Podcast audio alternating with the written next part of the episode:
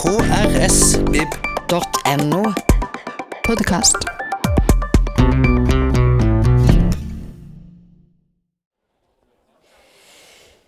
Hei, godt å se dere alle sammen. Hjertelig velkommen til biblioteket i kveld. Jeg skal nå få gleden av å kose meg i glansen av to store, flotte mennesker. Jeg, i dag skal vi snakke om de store spørsmålene. Og da er det godt å ha gode mennesker til å svare på det. Så ta veldig godt imot Marie Simensen og Karsten Jensen.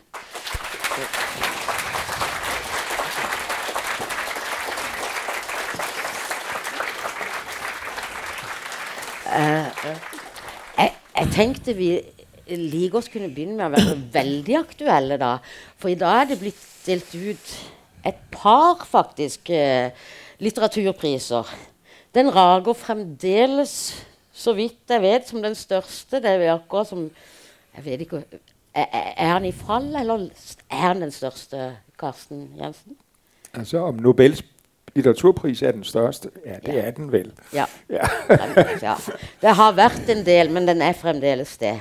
Og eh, den ble til, tildelt altså to. En for 2018 og to, en for 2019. Og den ene er, kan vi vel kalle kontroversiell, da. Pe østerrikeren Peter Hanke. For, for å si det forsiktig, altså, det var jo spekulasjonene først var jo om de nå skulle mm, faktisk uh, gjøre bot og bedring på en eller annen måte. At de skulle demonstrere at de faktisk det de hadde vært gjennom, at det hadde sunket inn. Og at de kanskje måtte skjerpe seg på, eh, på en eller annen måte. Det var jo noen som håpet at kanskje til og med skulle ta to kvinner eh, i prisen til to kvinner. Em, for det har jo ikke vært flust av kvinnelige prisvinnere. Det har vel vært 14 stykker eller noe sånt nå, i løpet av disse årene. Og si- nå var det mange kandidater, gode kandidater. Altså Margaret Atwood øh, ble jo selvfølgelig nevnt pga. at hun har fått denne HBO-berømmelsen. Men, men øh, prisvinneren, Olga, som jeg må med skam å melde Ja. Hvordan uttales det? Eh, vi kan sitte her sammen og prøve. Det er, så, Eh, det, det er så ferskt at, eh, at jeg ikke har fått innøvd hvordan eh, det uttales. Eh, Karsten Jensen omtaler henne i en av bøkene sine. Ja.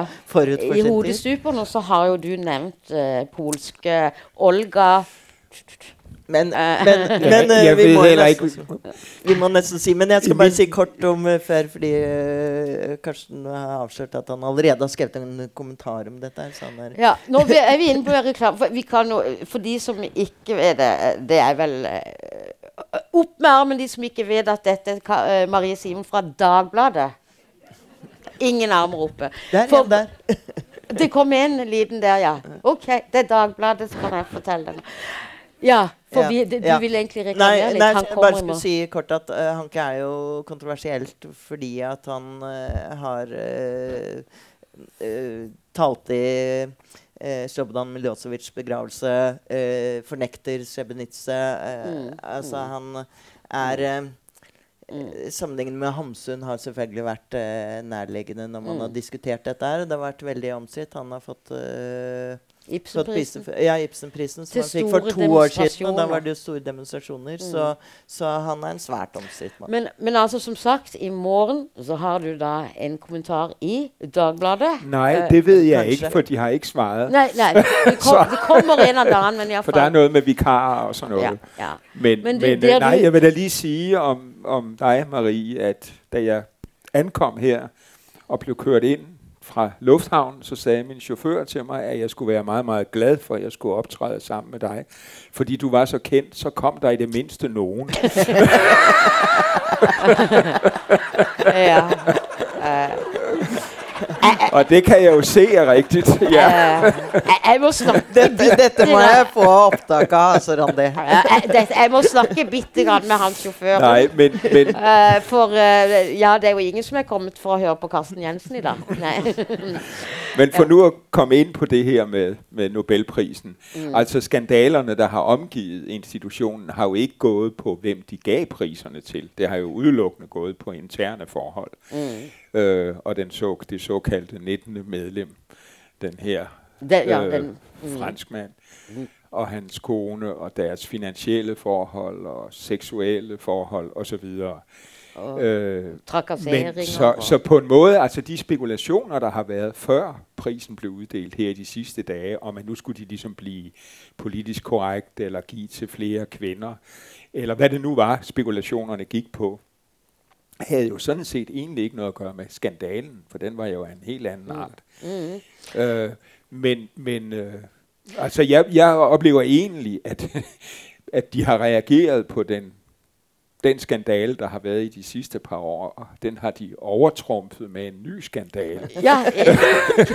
Og det er, synes jeg, at give fått prisen til, til, til, ja, til Peter Hanke. Og det mener jeg ikke har noget at gøre med, jeg har ikke læst ham, det vil være helt ærligt, så jeg har ingen idé om hans litterære kvaliteter. Mennesker, jeg kender, og hvis dømmekraft jeg stoler på, siger, at han er en stor forfatter. Men det er jo også en symbolsk pris, øh, som man jo også giver til en figur. Mm. En offentlig figur også. Mm. Øh, og Men, øh, der tilhører han jo altså det, det yderste højre i Europa. Han har jo aktivt forsvaret et folkemord på Balkan ja. og benægtet kendskærningerne og hyldet arkitekten bag folkemordet, Slobodan Milosevic. Som og serberne, han har optrådt på serbisk tv midt under de voldsomste kamphandlinger og sagt, mm. jeg ville ønske, jeg var en ortodox munk, der var kriger i Ko- Kosovo. Og når man tænker på den modbydelige rolle, som den ortodoxe kirke har spillet under de såkaldte etniske udrensninger. Mm. Og selvfølgelig, jeg kan jo ikke lade være med at tænke på Hamsun. Nej, og, og det er jo et slag Men, træet. men altså, jeg har det da også sådan med Hamsun, at Ja. øh, jeg synes øh, stadigvæk, Hamsun er en stor forfatter. Han var større som kunstner, end han var som politisk tænker. Mm. Og han var nok også større som kunstner, end han var som menneske. Mm. Fordi der er jo en, også en indlevelsesberedthed i, i hans romaner. Mm. Øhm, og jeg tænker Men nogle kan gange man på si det en samme af- om Hanke, da? Men Det ved vi jo ikke, fordi vi ikke har læst ham. Vi, har, Nej, nej, Nej. det er vi må forte lese. Vi må, Men, ja. men jeg synes jo alligevel, at, at sådan en, en Nobelpriskomité med alt den prestige, der flytter, følger med prisen, at den bør tænke over, øh, ligesom i hvilken kontekst giver vi prisen. Der er jo ingen tvivl om, at den er prisen til Olga, Olga Tokarczek, eller noget i den retning, Der, har, jo også er en politisk kommentar til udviklingen i Polen, som jo går længere og længere væk fra demokratiet og i mere og mere autoritær retning. Øh, og sådan var det jo også under den kolde krig, hvor man nogle gange gav priser til helt obskure østeuropæiske digtere, som ingen nogensinde havde hørt om. Andet Ja. end måske en svensk forlægger, for Ja. de kunne jo ikke selv læse østeuropæiske sprog. Og der opstod den der Øh, ja, Men jeg var- jeg men, var- og det var jo kommentarer. Det var også en form for politisk aktivisme. Men jeg var sikker på at de skulle gi det til Hulbeck. Det hadde, vært, eh, det hadde jo virkelig vært eh, å si noe til disse rasende feministene som eh, har, har herjet med dem Ja. de siste, siste par årene. Men det som også er synd med eh, altså Det er jo selvfølgelig litt underordnet når man snakker om Hanke, men likevel så er jo det som Vi må alle gå hjem nå og lære navnet til Olga. Ja, Jeg skal i hvert fall bare, gjøre det. eh, Ja, Fordi vi skal- vi skal fordi at hun vi kommer skal til å bli, hun kommer til å bli fullstendig, fullstendig overskygget da, av Hanke. ikke sant? Det er jo ingen som kommer til å huske at hun Men, fikk men jeg må jo si litteraturprisen. altså aktualiteten her, da.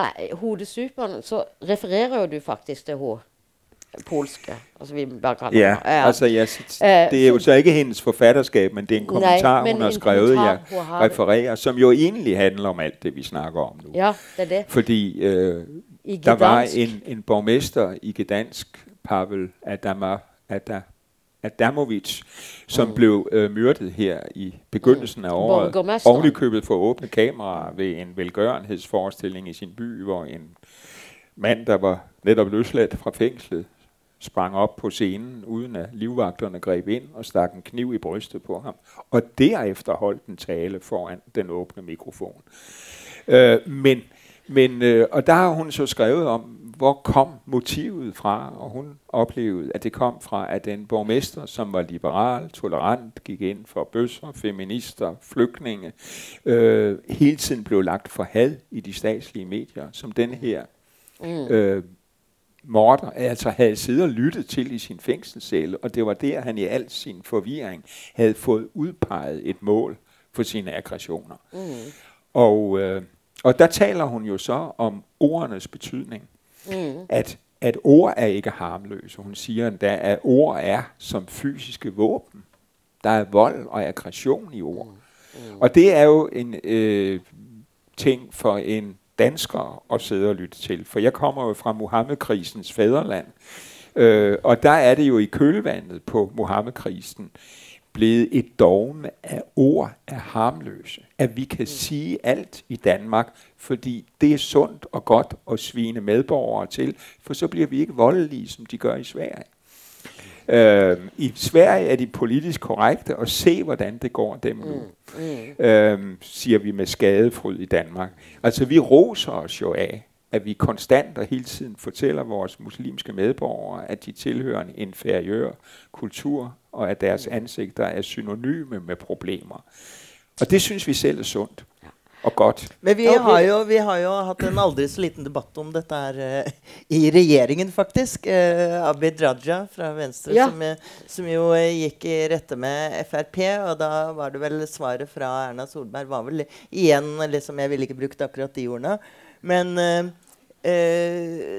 det er eh, riktig som Karsten Jensen sier, og det er jo en evig kamp som har pågått nettopp gjennom eh, Vi har jo hatt de samme Muhammed-karikaturdebattene her. Mm. Som er eh, det jeg vil kalle ytringsfundamentalistene, som mener at ord er ufarlige, og at det er ingen som kan vise sammenheng. Mens det er jo åpenbart vist en sammenheng mellom ord, politisk demagogi, hvordan man omtaler mennesker, hvordan man umenneskeliggjør eh, de andre. Eh, altså at det er en viktig del av høyreekstremismens eh, fremgangsmåte. Det er jo at det resulterer i vold. Det er det jo utallige bevis på.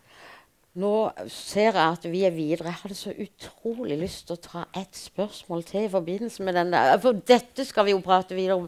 Virkelig, så Nå føler jeg godt tilbake. Jeg er reak og er nå i spørsmålsstillinger.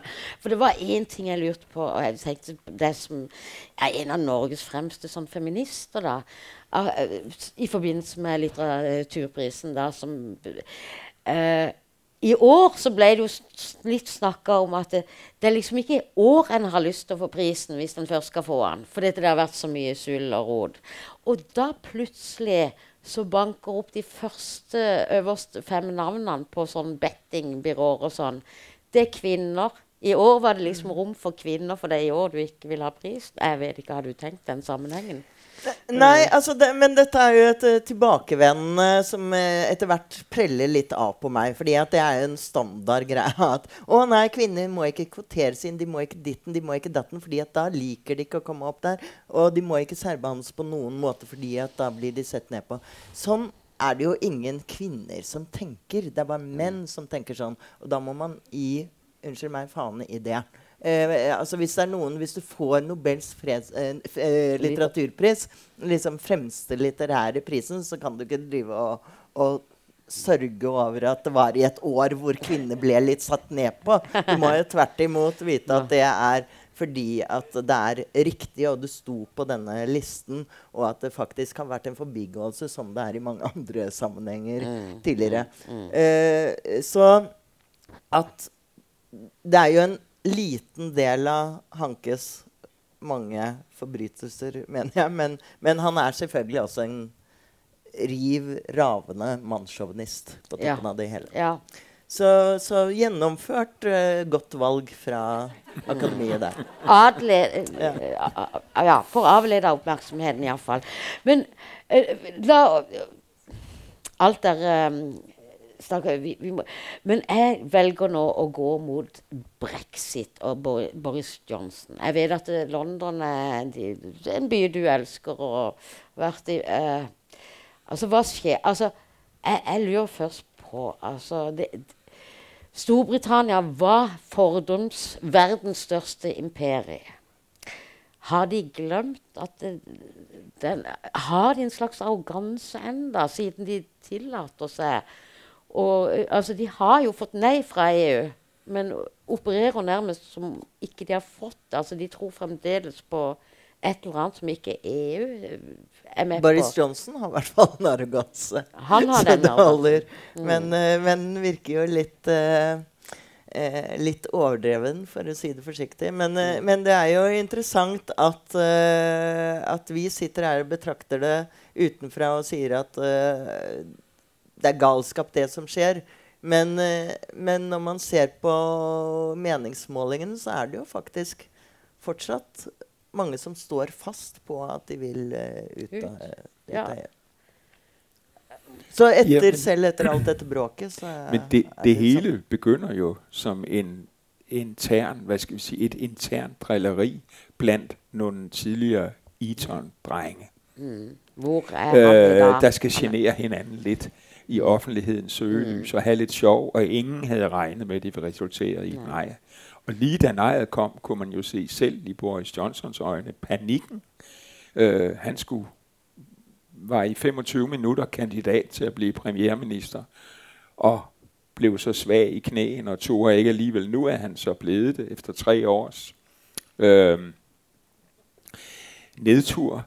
Ja. Altså, det, det gode i Europa, nu er I jo lidt, jeg havde nær sagt næsten som Storbritannien, lidt uden for det hele, da I jo ikke er medlemmer af EU. Men for resten af os er det jo blevet sådan, at den EU, E- EU-skeptiske højrefløj, vi har haft, en skepticisme, der har bredt sig helt ind i midten, helt ind i det danske socialdemokrati, for eksempel, den er død for evigt. Og ville EU u- ud af EU i dag i europæisk politik, det er det samme som at være selvmorder. Og det er det gode ved Brexit. Det har lært resten af Europa, at den vej skal vi i hvert fald ikke gå. Det er kun britterne selv, der ikke har forstået det.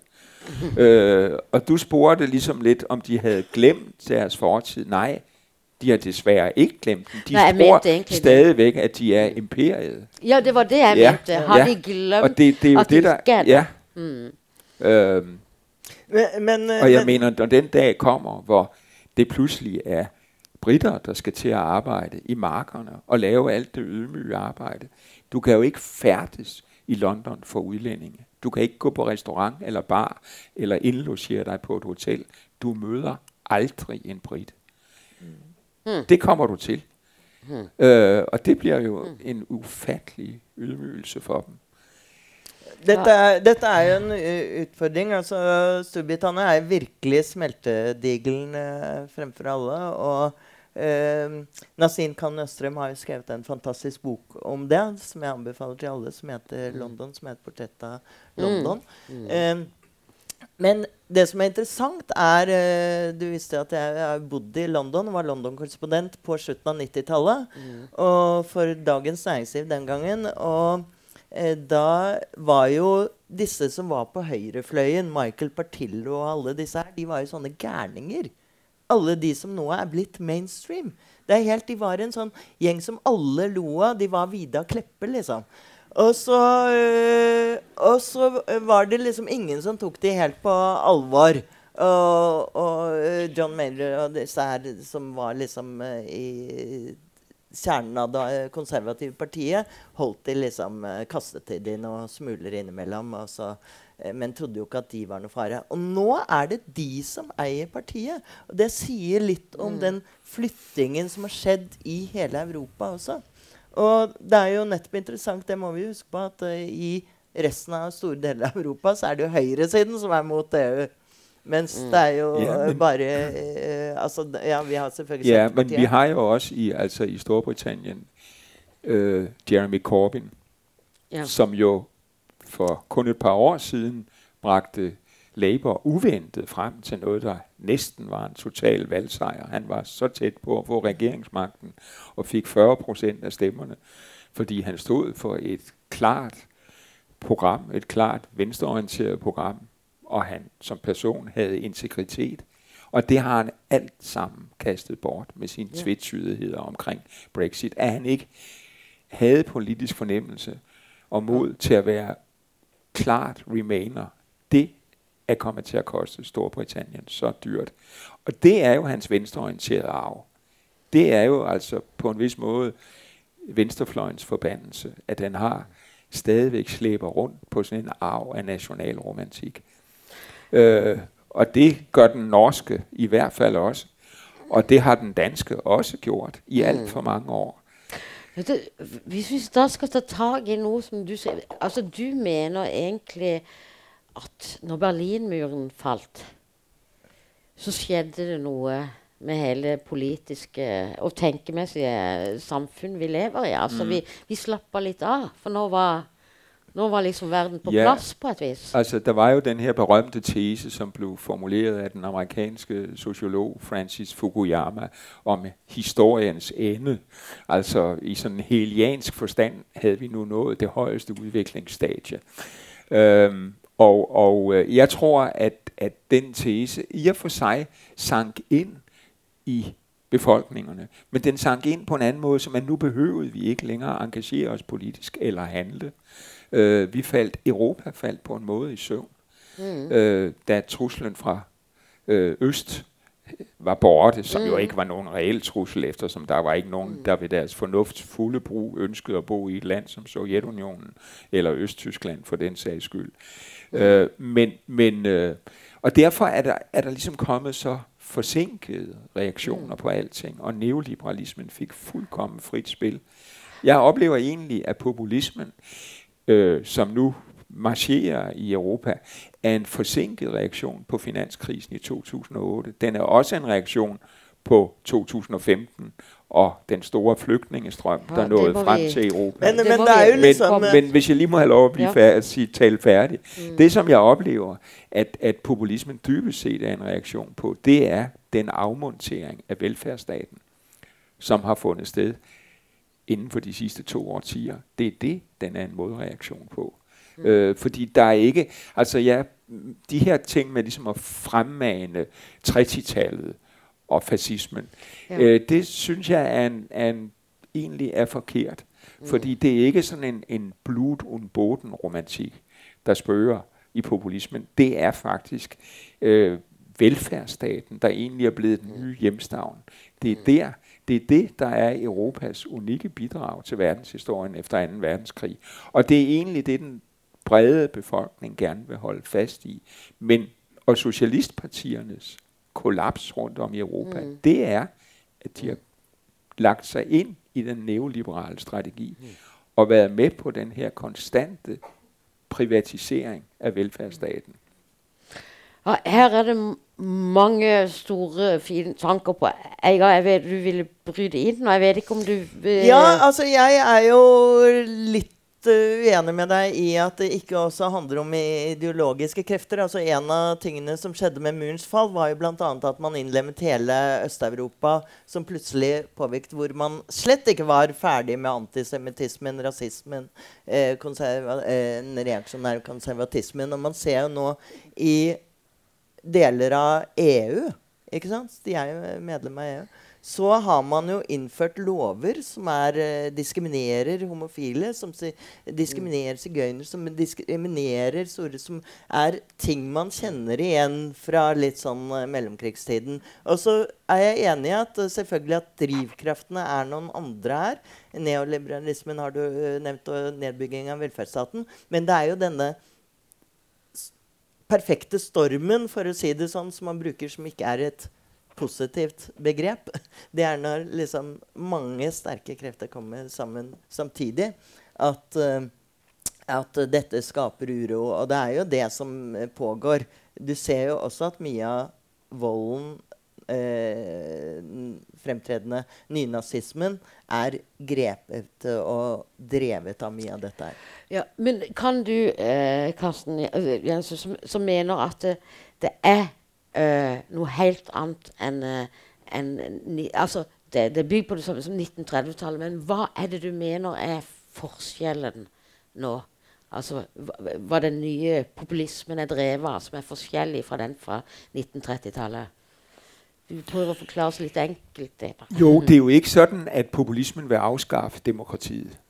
Øh, det vi ser i Østeuropa er, hvad man kan kalde en, en form for Viktor Orbán har sagt det, han kalder det illiberale demokrati, og det er, hvad man kan kalde et majoritetsdemokrati, hvor der ikke er plads til minoriteter, hvor minoriteter ikke har rettigheder, mm. øh, og ikke hverken skal lyttes til eller beskyttes mod overgreb, men, men øh, det er jo ikke marcherende voldsmænd i gaderne. Ja, der er ydergrupper, som er voldelige, men de er, efter, de, gjennom men det er efter min mening, hvis vi fokuserer for meget på det, så går vi fejl af, hvad der er mm. den egentlige trussel i de her år. Og det er ikke en genoplevelse af, af nazismen.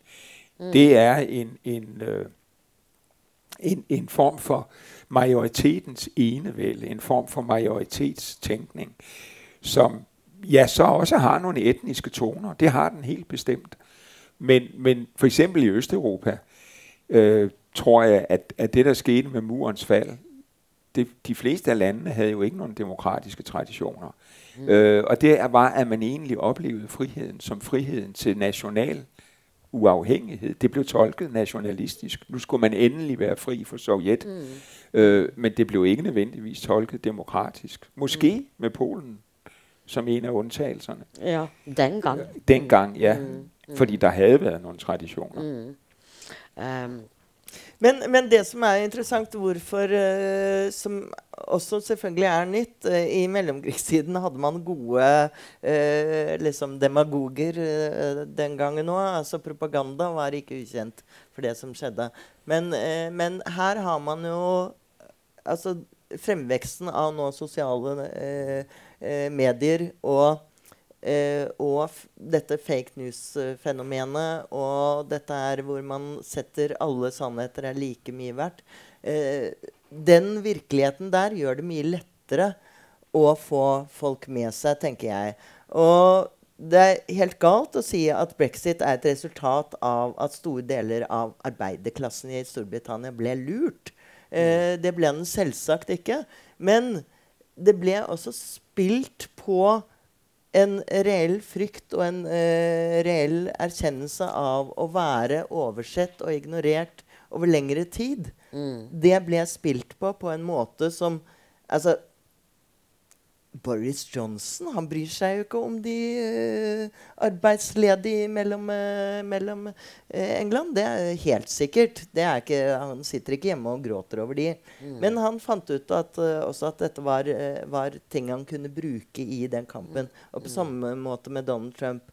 Og det er jo skummelt at man ser, selv om denne filmen 'Brexit' er overdrevet, at, at man faktisk kan drive det så langt at man kan snu og påvirke et stort valg. Og det vet vi jo har skjedd. Mm. Ops, det er flere ganger her nå i det siste. Ja, så det Ja. er, eh, så det er jo en, Ja. eh, det er jo en eh, Apropos at ord er Men, men, er men altså når det er altså brexit og eh, Trump, som vi også må prate om Men, men eh, har, er mye av problemet her at vi faktisk undervurderer eh, mennesker som eh, Enkeltmennesker som faktisk føler at de ikke er sett. Og så kan vi eh, Ord som da gjør et sånn Det blir en slags protest, eller hva er det? Altså, Så- vi, vi lever jo i et samfund, som i stigende grad er markedsorienteret. Øh, hvor vi alle sammen ligesom skal konkurrere med hinanden. Og hvor øh, vi får at vide, at hvis det går os dårligt, så er det fordi, vi er tabere. Det er jo en helt ny retorik i for eksempel de skandinaviske velfærdssamfund, mm. hvor man før har talt om de svage, der havde ligesom et legitimt krav på at få en hånd og blive hjulpet på benene igen. Nu er du taber, og det er din egen skyld. Øh, følelsen af ikke at slå til, følelsen af at komme til kort, øh, ikke at være din egen tilværelse mægtig, den tror jeg er blevet meget mere udbredt, end den var før. Og der tror jeg, at populismen på en måde næsten virker som en form for folkelig psykoterapi. Fordi ja. budskabet er, du er god nok, som du er. Med alle dine fordomme og alle dine mangler og alle dine nederlag, så er du god nok. Øh, og det er så, øh, hvad skal vi sige, det næste skridt, som jo er det problematiske, som er, men der er nogen, du kan træde på. Der er nogen, søndebukke, som er skyld i din ulykke, og det er ikke et system, det er ikke markedsøkonomien, neoliberalismen eller et dysfunktionelt demokrati, for det må vi sige, vi lever i stigende grad i et dysfunktionelt demokrati. Nej, det er de fremmede. Men, mm. men altså, jeg mener, at grundlæggende er alle de spørgsmål, populisterne stiller, legitime. Mm. Det er bare svarene, der ikke er det. Ja, så det er jo faktisk eh, noe du hele tida er ute Altså, når du skriver altså Du vil stille de optimale spørsmålene. Det er Altså, du svarer jo mye også, men det er spørsmålene er det viktigste vi kan gjøre. Å stille oss hele tida spørsmål, sier du. Og så sier du også at de stiller riktige spørsmål, de også. Men svarene Ja, svarene er jo mm. vildledende og demagogiske mm. også. Mm. Men, uh, men, men, men, det er jo liksom utfordringen. Altså, alle vet jo f.eks. når det kommer inn uh, flyktningkrisen i 2015. Man visste at det var en utfordring. Man måtte mm. gripe fatt i det på en eller annen måte. Og at så kan man velge å, møte det med uro. Man kan velge å, å, si at dette er et kjempeproblem. Til bli, det kommer til å være 30 000 som strømmer til Norge hvert år. Eller hva skjer? Og det var det jo da populistene som spilte på. ikke sant? Altså at Man må jo forstå at folk reagerer sånn og sånn, og at man eh, reagerer adekvat. Det er den samme måte med protestvalget nå. Det er ikke sånn at, at noen plutselig har sittet oppe i Finnmark og funnet på fordi Trygve Slagsvold Vedum forteller dem at de bør gjøre opprør. Dette har jo de ment hele tiden. Det, mm. har, eh, det er noe som er. Og så er det jo opp til politikerne hvordan de håndterer det, og hvordan de bruker eh, den informasjonen de har om, eh, om, velgerne.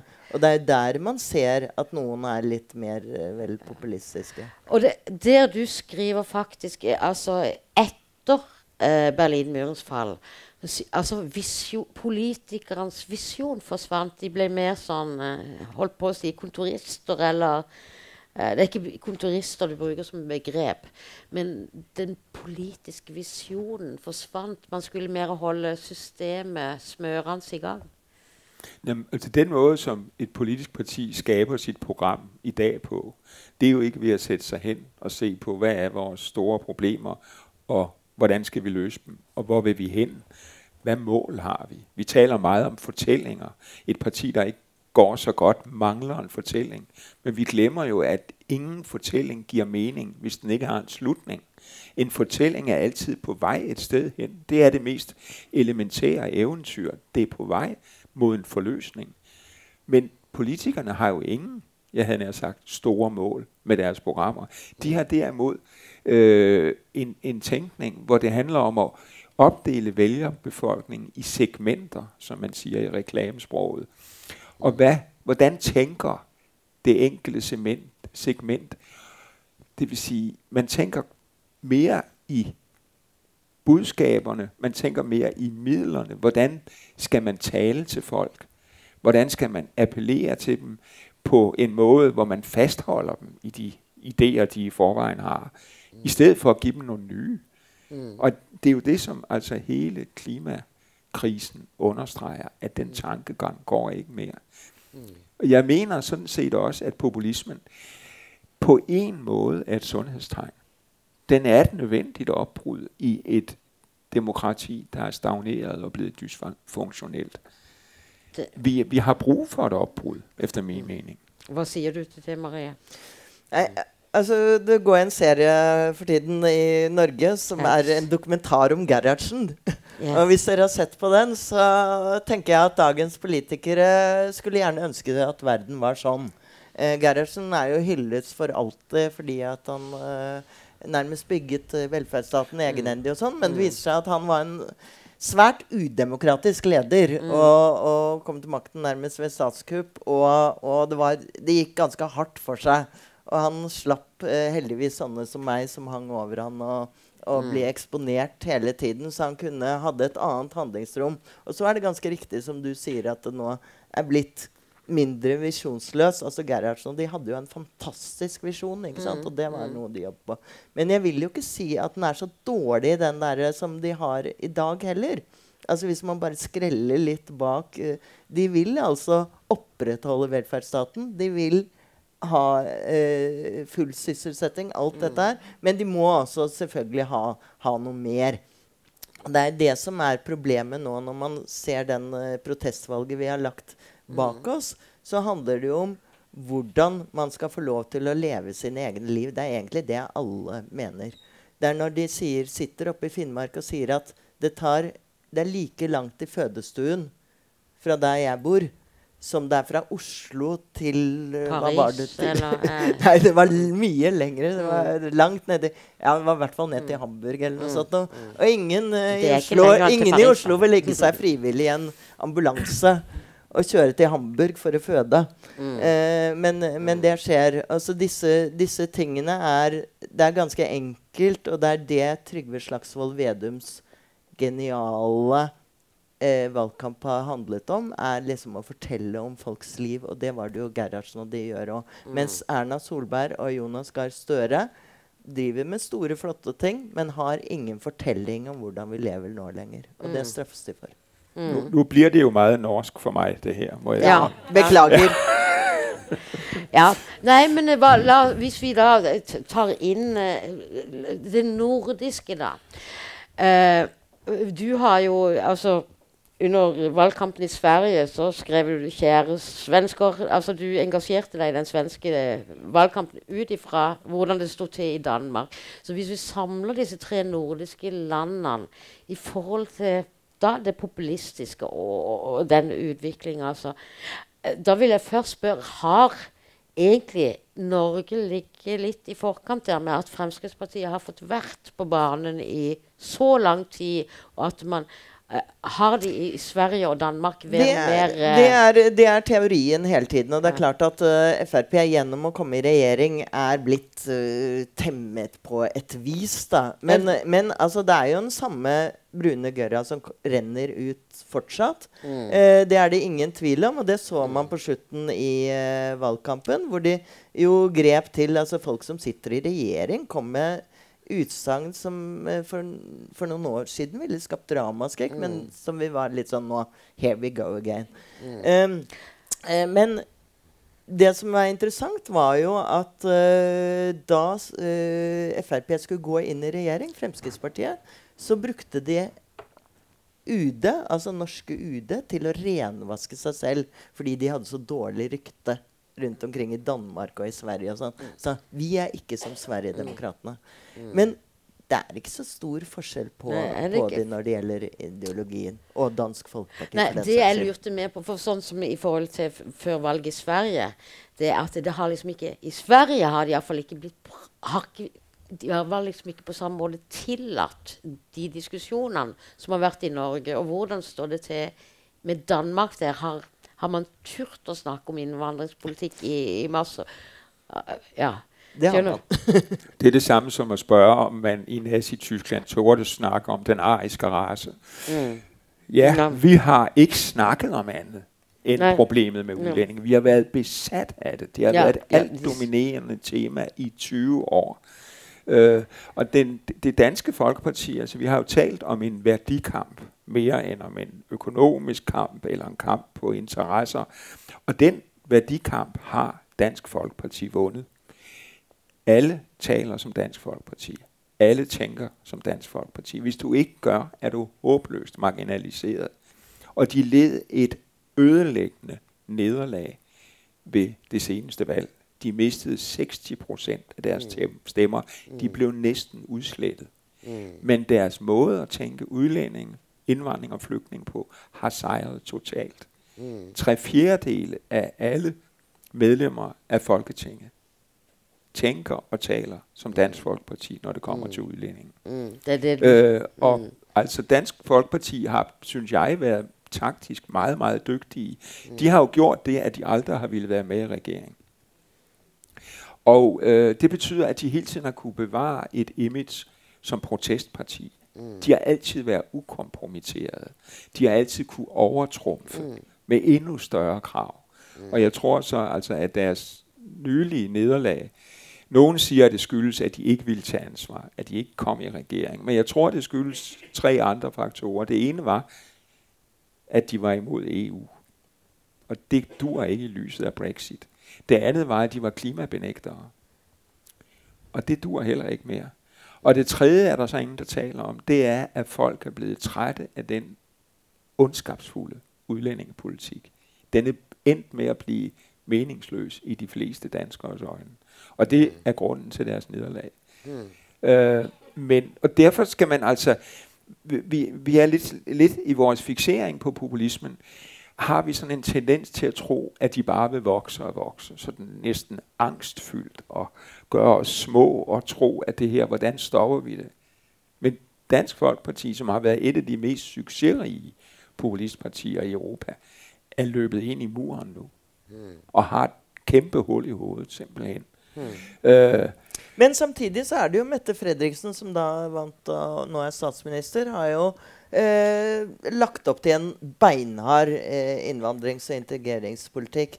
Og det er jo litt sånn som det er i Norge òg, at vi har en veldig mm. veldig streng innvandrings- og, og integreringspolitikk. Mm.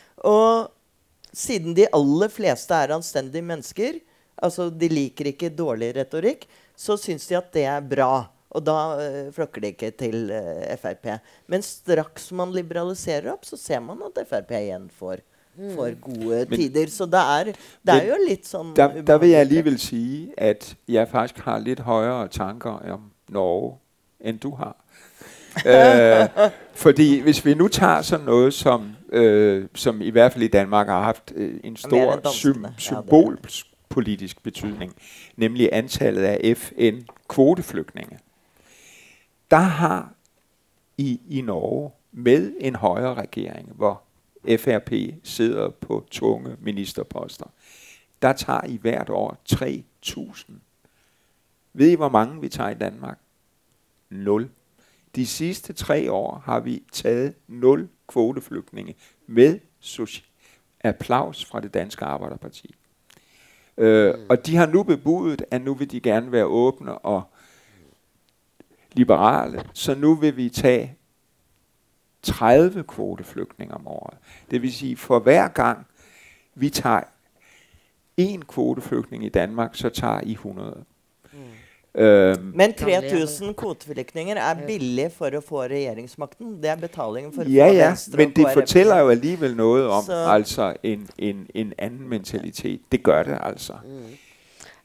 Øh, jeg mener sådan set, at ikke at nordmænd er bedre mennesker end danskere, men jeg, det mener jeg muligvis også. Nu smiger jeg jeres jo, gamle men, kan du sige det. Men, øh, men hvad hedder det? Jeg mener i hvert fald, at der er et eller andet sted mere ryggrad i norske politikere, end der er i danske. Hmm. Du, du sa vel også sånn i forbindelse med valget at eh, Dansk Folkeparti på mange måter ikke trengt, for de andre partiene hadde faktisk tatt til seg denne flyktningpolitikken. Ja, det er jo altså, Socialdemokratiet roser seg jo hele tiden av at det er vår skyld at Dansk Folkeparti har hatt det nederlag fordi vi er blevet liksom dem. Ja. Vi har overtaget deres stemmer. Men ja. det der jo samtidig er sket for Socialdemokraterne, det er, de får ikke flere stemmer. De stagnerer nu mm. på tiende år. Mm, og og, øh, men samt fordi de stemmer, de måske vinder fra ældre, ufaglærte arbejdere i provinsen, der alle sammen om 10 år er døde. Undskyld min kynisme, men det er de altså. Øh, de stemmer mister de jo til middelklassen. Altså middelklassen stemmer ikke længere på Socialdemokratiet. De stemmer på de andre, enten midter- eller venstrefløjspartier.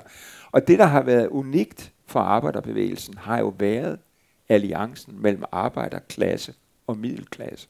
Det er det, der har været unikt for de skandinaviske velfærdsdemokratier. Den alliance er ved at blive brudt.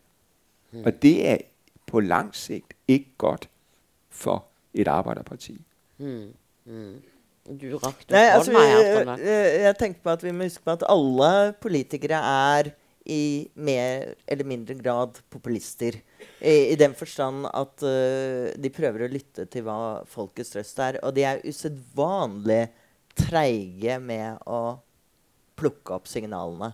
De er liksom som et sånt tankskip som uh, går, og så, uh, og så fanger de det ikke opp. Og det ser man uh, i uh, integreringspolitikken. Jeg vil jo mene at uh, den retorikken som Frp er noe av det som har truffet dem midtskips også.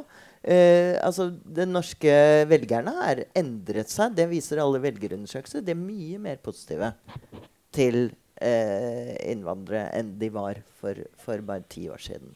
Mm. Eh, det har endret seg markant. Og selvfølgelig det andre som vi kanskje skal snakke om litt senere, er klima. Som også mm. er, eh, er et spørsmål som liksom Du skulle jo tro at politikerne ikke trengte tusenvis av barn som sto og skrek til dem utenfor Stortinget før de skjønte at aha, Kanskje vi skal snakke litt om det grønne skiftet og mm. være litt opptatt av klima og sånn. Mm. Uh, men, men uh, det, var, uh, det, er jo faktisk sånn. Det er helt riktig som Heidi Nordby Lunde så jeg Høyre jeg hadde en lengre utlegning om at de gjør faktisk noe. Og det skulle jo bare mangle. Men at de ikke har sett at klima kommer øverst på den politiske agendaen, og at uten en troverdig klimapolitikk så kommer du ikke noen vei. Du får ikke de unge stemmene. Det har de vært utrolig treige med å ja. oppdage. Ja, altså, for, altså, Det du snakker om, altså Visjonene forsvant, liksom, mm. eh, for politikere. Altså Tror vel mennesker rundt i hele verden faktisk nå er opptatt av klima og redde for framtida. Allikevel så går dette seint, altså. Uh, i, det, det, er ikke altså, Hos oss var det jo bompenger som var viktig foran valget. Det er jo helt vilt når kloden står på spill.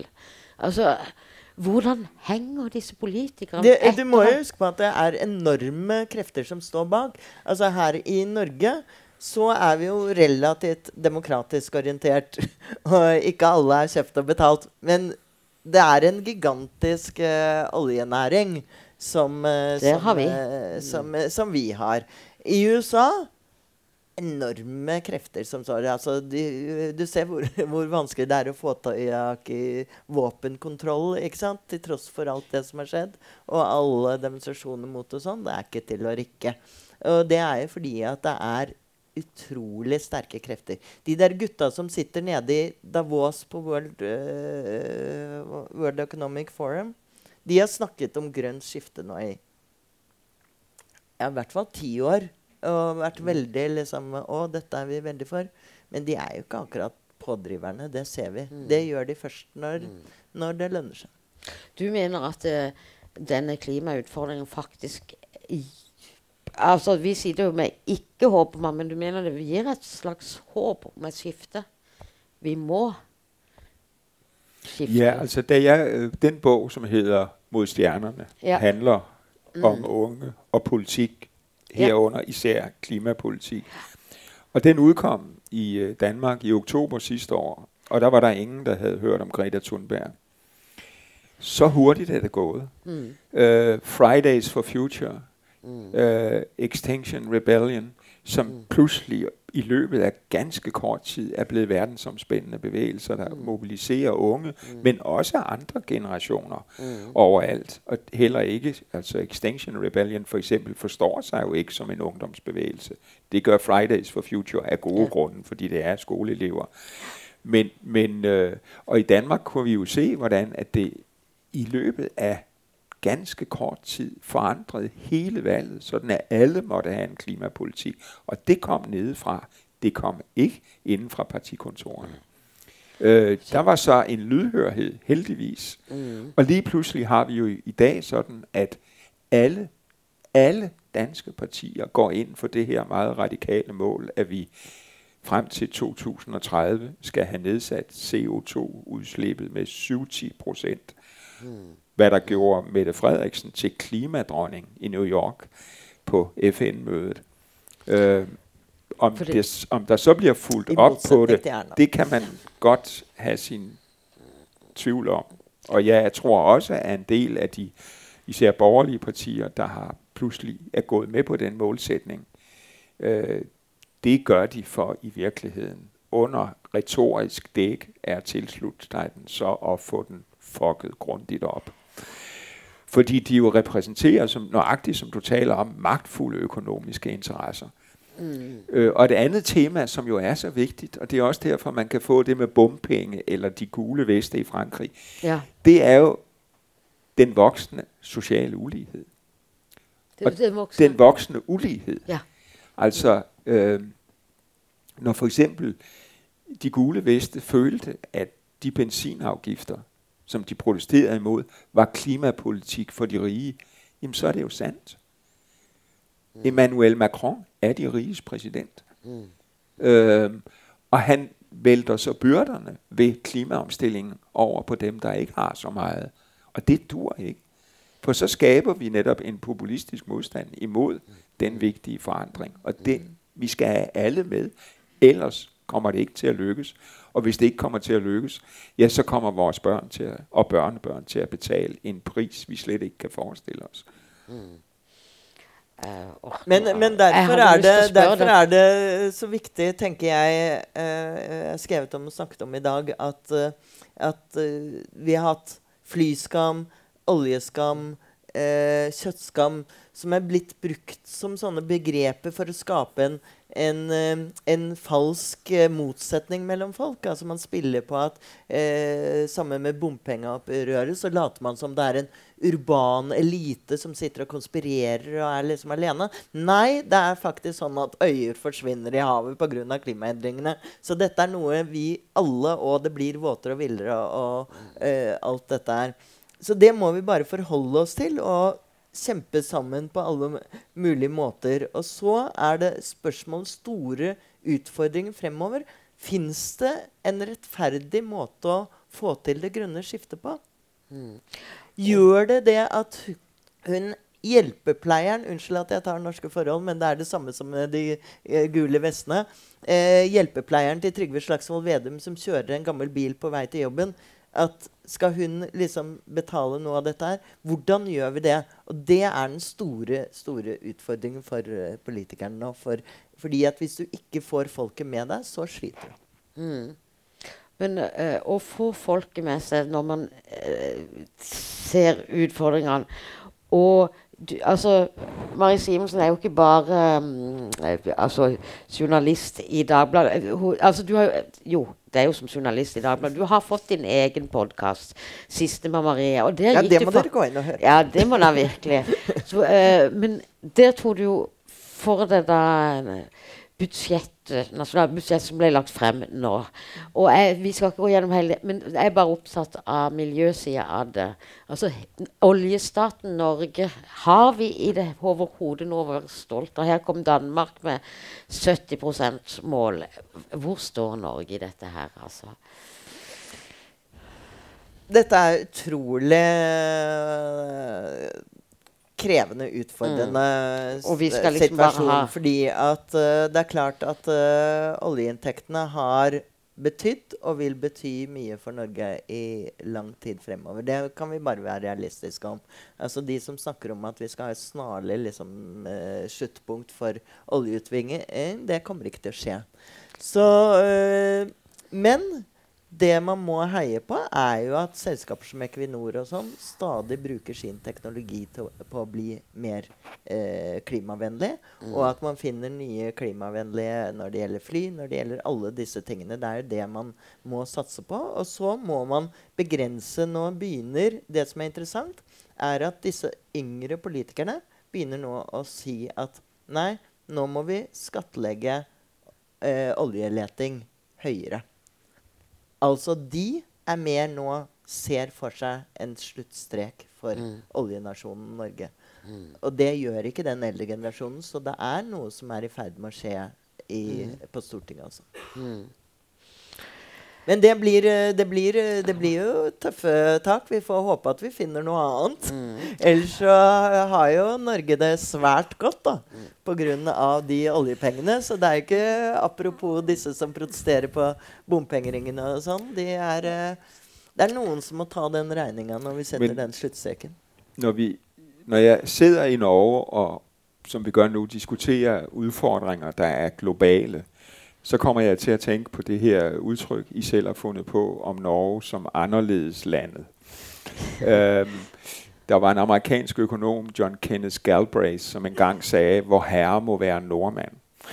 øh, og, og det gælder jo mere end nogensinde, for vi ved også, at i et af de lande i verden, der vil blive mindst ramt af klimaforandringerne, hvor det vil i længst tid være muligt at opretholde et nogenlunde sammenhængende, fornuftigt liv, næsten uanset hvor godt, hvor galt det går for alle os andre.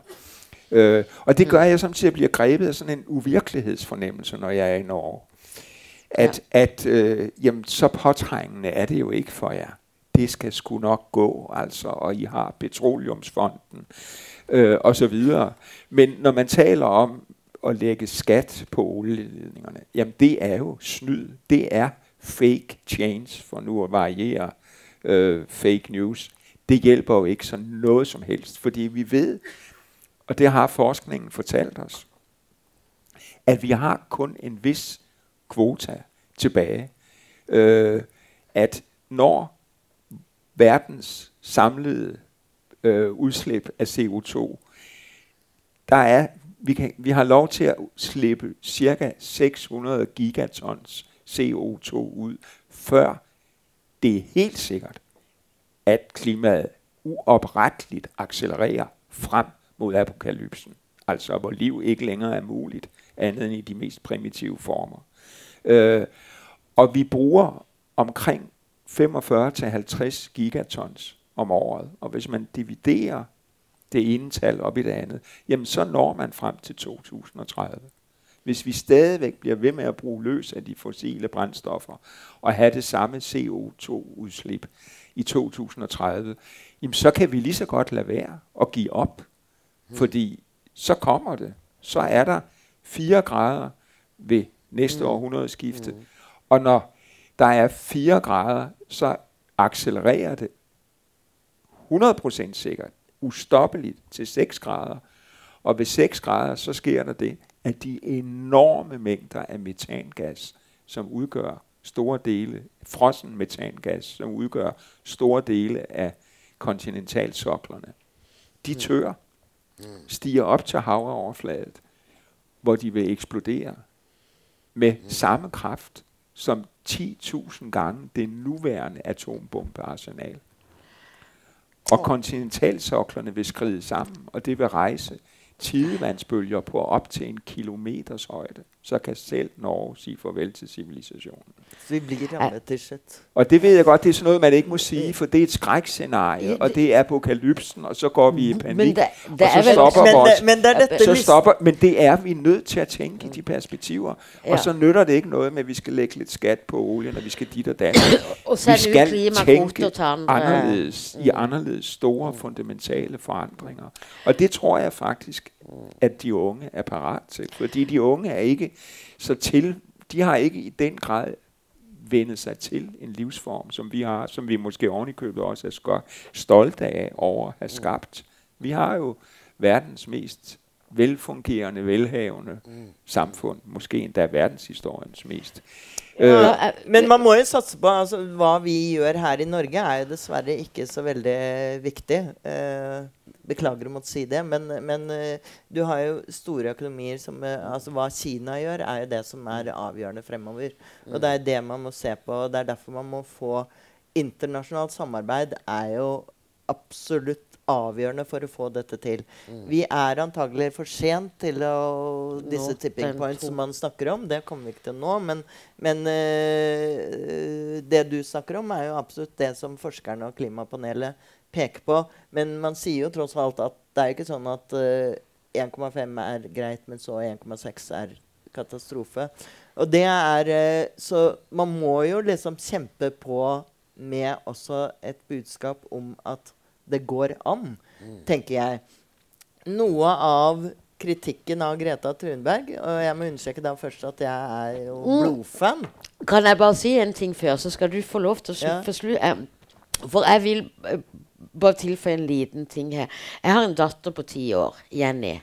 Hun kom til meg her om dagen og spurte om hun trodde at hun, når hun ble voksen, kunne få familie og barn sånn som meg, eller om det ville være for farlig. Altså, her ligger en tiårings ti tanker bevisst. Altså veldig altså dette er, Og de unge generasjoner. Vi begynte med Nobels litteraturpris. Nå skal vi avslutte med Nobels fredsprisutdelinga i morgen. Og som du var Altså, jeg vet at du har en favoritt i morgen. Prat om Ja, jeg er uh, blitt uh, litt sånn helfrelst eh, Greta Thunberg-fan. Um, jeg var fan av henne før òg, men, men, nå er jeg blitt veldig, og det er litt i protest mot de som ikke er fan av henne. Eh, jeg endte jo en krangel med min kollega Anders Giæver, som var veldig bekymret for uh, Greta Thunberg. Det uh, vi har vært vant til å se, er jo at det er en uh, At det er sånne Carl I. Hagen og klimafornekter og Donald Trump som stirret ånd på henne, eller eh, ikke unnlot å stirre ånd Det var jo hun som stirret ånd på ham. Uh, eh, men eh, eh, slike typer som liksom fornekter og, og sjikanerer Greta Thunberg. Men nå er det også en sånn der liten urolig hvit middelaldrende Unnskyld meg, menn i salen. Men det er overvekt av menn som er, er litt sånn kritiske til Greta Thunberg og mumler om at hun kan ikke ha noe bra barndom. og uh, det er synd på henne og alt mulig sånn. Jeg tenker at herregud, vi så henne for et år siden. Da satt hun alene utenfor. Nå sitter hun og snakker i FN. Det må jo være en enorm mestringsfølelse. Er det ikke det man sier om barn? Dessuten er hun jo en ung kvinne. Og Malala var jo mottok, uh, mottok fredsprisen i, Der var jeg til stede, faktisk, og det var et stort øyeblikk. Hun var 17 år.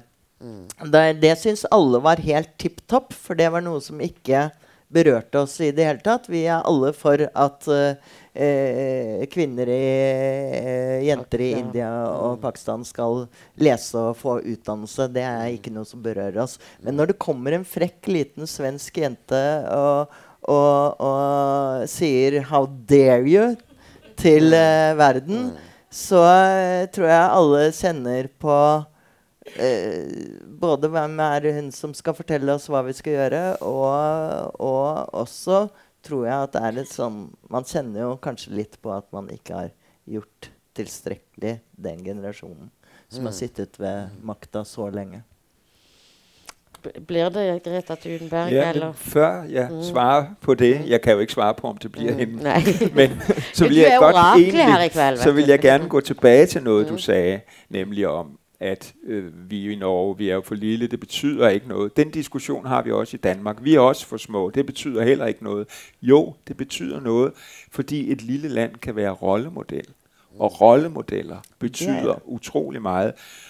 Og det er Greta Thunberg jo eksemplet på. Hun kunne også have sagt, jeg er bare en lille pige på 15 år. Det var hun kun dengang. Hvad kan jeg gøre? Og så have passet sin skole.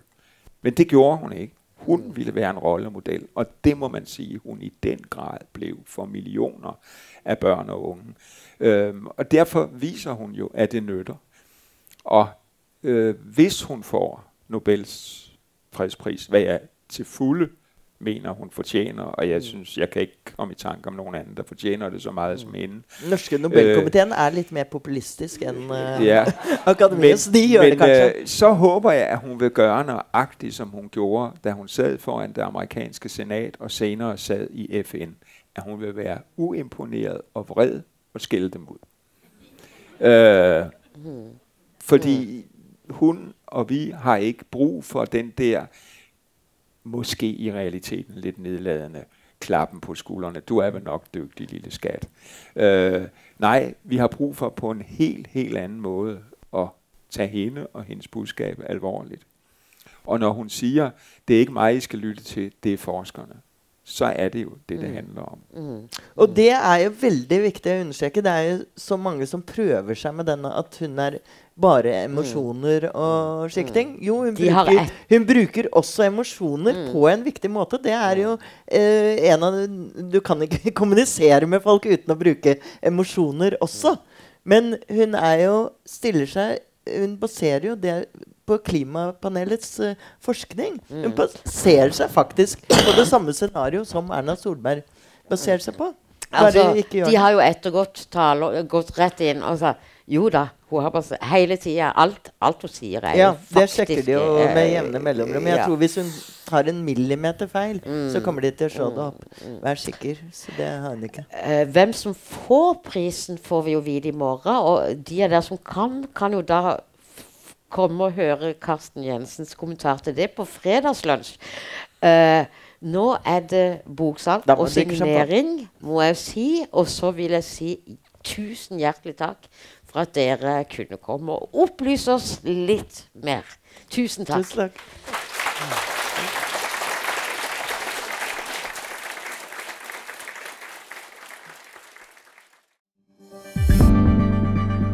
Flere podkaster fra oss finner du på Google Podkast, Apple Podkast eller iTunes, eller ved å stikke innom vår hjemmeside på krsbib.no.